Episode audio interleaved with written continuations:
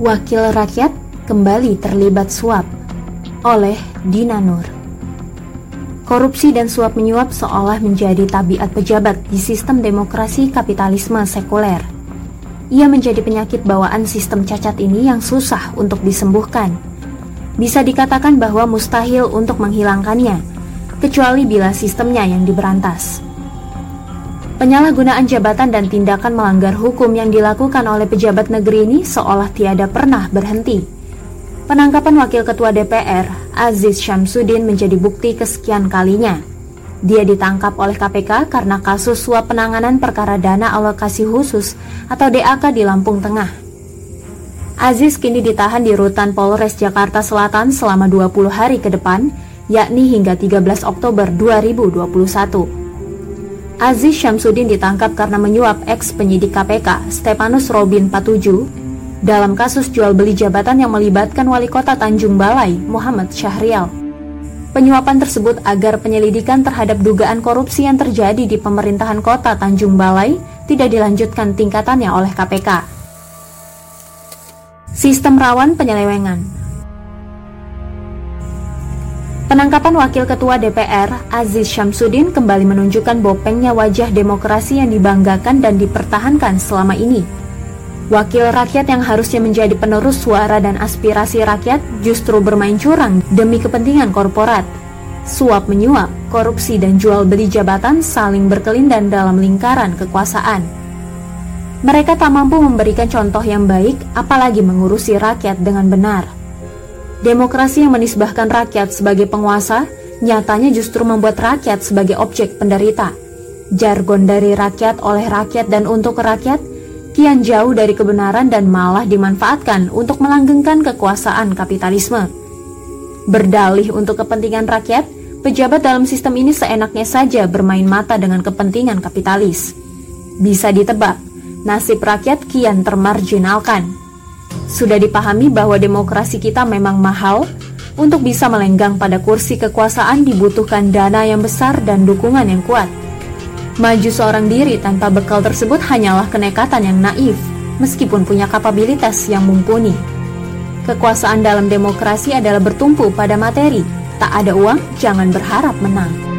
Ditambah lagi sistem hukum yang lemah membuat tindak korupsi dan sejenisnya kian menggurita.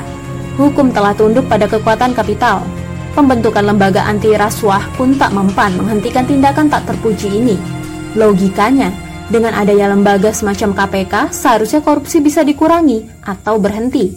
Namun, fakta yang ada malah memperlihatkan sebaliknya, korupsi justru kian tak terkendali. Demokrasi yang menjanjikan kebebasan berpendapat pun juga tak terbukti, bersuara sedikit saja akan ditebas bila tak sejalan dengan penguasa. Mereka yang mengkritik kebijakan pemerintah dianggap musuh dan dihukum. Padahal, mereka menyuarakan apa yang menjadi hak dan keadilan bagi rakyat banyak. Akhirnya, menambah derita rakyat semakin berlipat, sudahlah perut mereka lapar, keadilan pun buyar.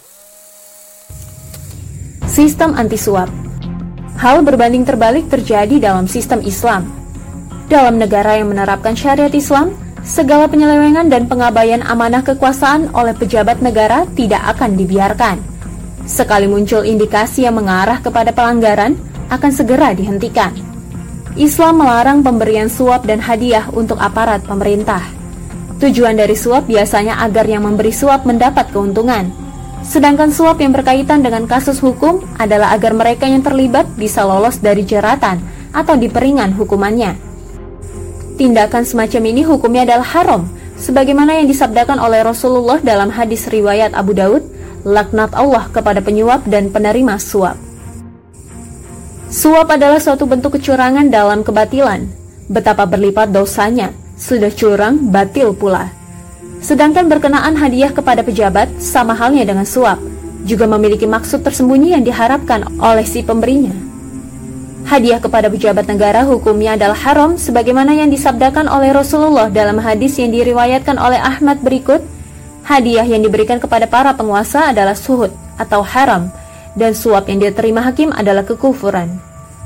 Kriminalitas semacam itu termasuk kategori takzir sanksinya dalam Islam, yakni hakim yang akan menentukan hukumannya. Besarnya sanksi yang diberikan bergantung pada berat ringannya pelanggaran yang dilakukan.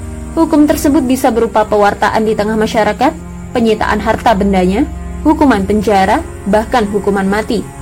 Hukum tersebut tegas tidak memandang siapa pelakunya.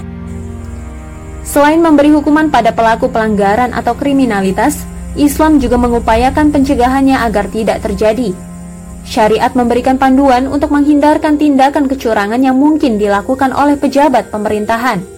Penggajian yang layak, pengawasan yang melekat, perhitungan kekayaan, keteladanan pimpinan, ketakwaan yang senantiasa terjaga, dan seperangkat sanksi yang tegas adalah upaya preventif untuk menutup celah terjadinya penyelewengan amanah jabatan. Kepemimpinan yang kuat Dalam Islam, kepemimpinan menjadi hal yang sangat penting agar pemerintahan berjalan dengan baik. Pemimpin harus mampu memberi contoh untuk seluruh rakyatnya, Dialah orang pertama yang harus memberikan teladan dalam mematuhi aturan yang ada. Bawahan cenderung mengikuti bagaimana kepalanya. Pemimpin atau khalifah adalah komando. Di tangan seorang pemimpin, bagaimana jalannya kekuasaan amat ditentukan. Pemimpin menjadi yang terdepan dalam menerapkan aturan Islam dalam kehidupan berbangsa dan bernegara. Bukan hanya memerintahkan dan menyerukan saja, tetapi ia juga melaksanakan dengan sungguh-sungguh Pemimpin tidak hanya memiliki kapabilitas, tetapi juga harus bertakwa. Pemimpin tidak hanya mampu memimpin dengan baik, tetapi juga sosok pribadi yang taat pada aturan Allah Subhanahu wa Ta'ala. Pemimpin yang bertakwa akan senantiasa menjadikan hukum Allah sebagai patokan. Dia tidak akan berani menyimpang darinya sedikit pun. Dengan kepemimpinan yang berlandaskan akidah Islam, Khalifah akan memastikan seluruh pejabat negara mematuhinya dalam menunaikan amanah tindakan tegas akan diambil bila terjadi pelanggaran, tanpa memandang jabatan atau kedudukan, penyelewengan dari syariat akan mendapatkan sanksinya secara adil. Sebagaimana dulu pernah dicontohkan oleh Khalifah Umar bin Khattab yang menyita seekor unta gemuk milik putranya sendiri. Abdullah bin Umar menggembalakan untanya bersama sejumlah unta lain di padang rumput milik Baitul Mal. Menurut sang Amirul Mukminin, tindakan ini termasuk penyalahgunaan kekuasaan negara. Khalifah Umar juga menerapkan pengawasan harta pejabat dengan ketat. Beliau membuat kebijakan agar harta para pejabat dihitung sebelum dan setelah menjabat. Bila terjadi kenaikan yang tidak wajar, apalagi hasil korupsi, maka segera diberhentikan dan diberi sanksi tegas. Inilah bentuk kepemimpinan yang kuat dengan bersandar pada sistem kuat dan terbaik, yakni syariat Islam. Saat ini kita membutuhkan pemimpin yang tegas, cerdas, dan bertakwa, bukan seperti yang sekarang. Pemimpin yang lemah dari sisi kemampuan dan ketakwaannya hanya akan membuat para kapitalis semena-mena mengendalikan kekuasaan hingga rakyatlah yang menanggung penderitaan. Wakil rakyat yang melakukan pelanggaran harusnya ditindak secara tegas dan berat karena telah melalaikan tanggung jawabnya. Dia harus dihukum berat sebab perbuatannya telah mengkhianati dan merugikan rakyat. Tiada layak pejabat yang khianat terhadap amanah untuk diberi tempat. Sebagaimana tidak layak pula sistem cacat ini dipertahankan terus-menerus karena ia hanya akan menghasilkan bermacam kerusakan dan kesengsaraan. Solusi terbaik adalah meninggalkan sistem ini dan beralih kepada sistem Islam. Tiada solusi selain itu yang layak dipertimbangkan sebab sistem yang ada telah terbukti gagal dan rusak. Sementara Islam pernah berjaya selama berabad-abad lamanya dalam menciptakan kehidupan yang diliputi penuh kebaikan. Wallahu a'lam bishawab.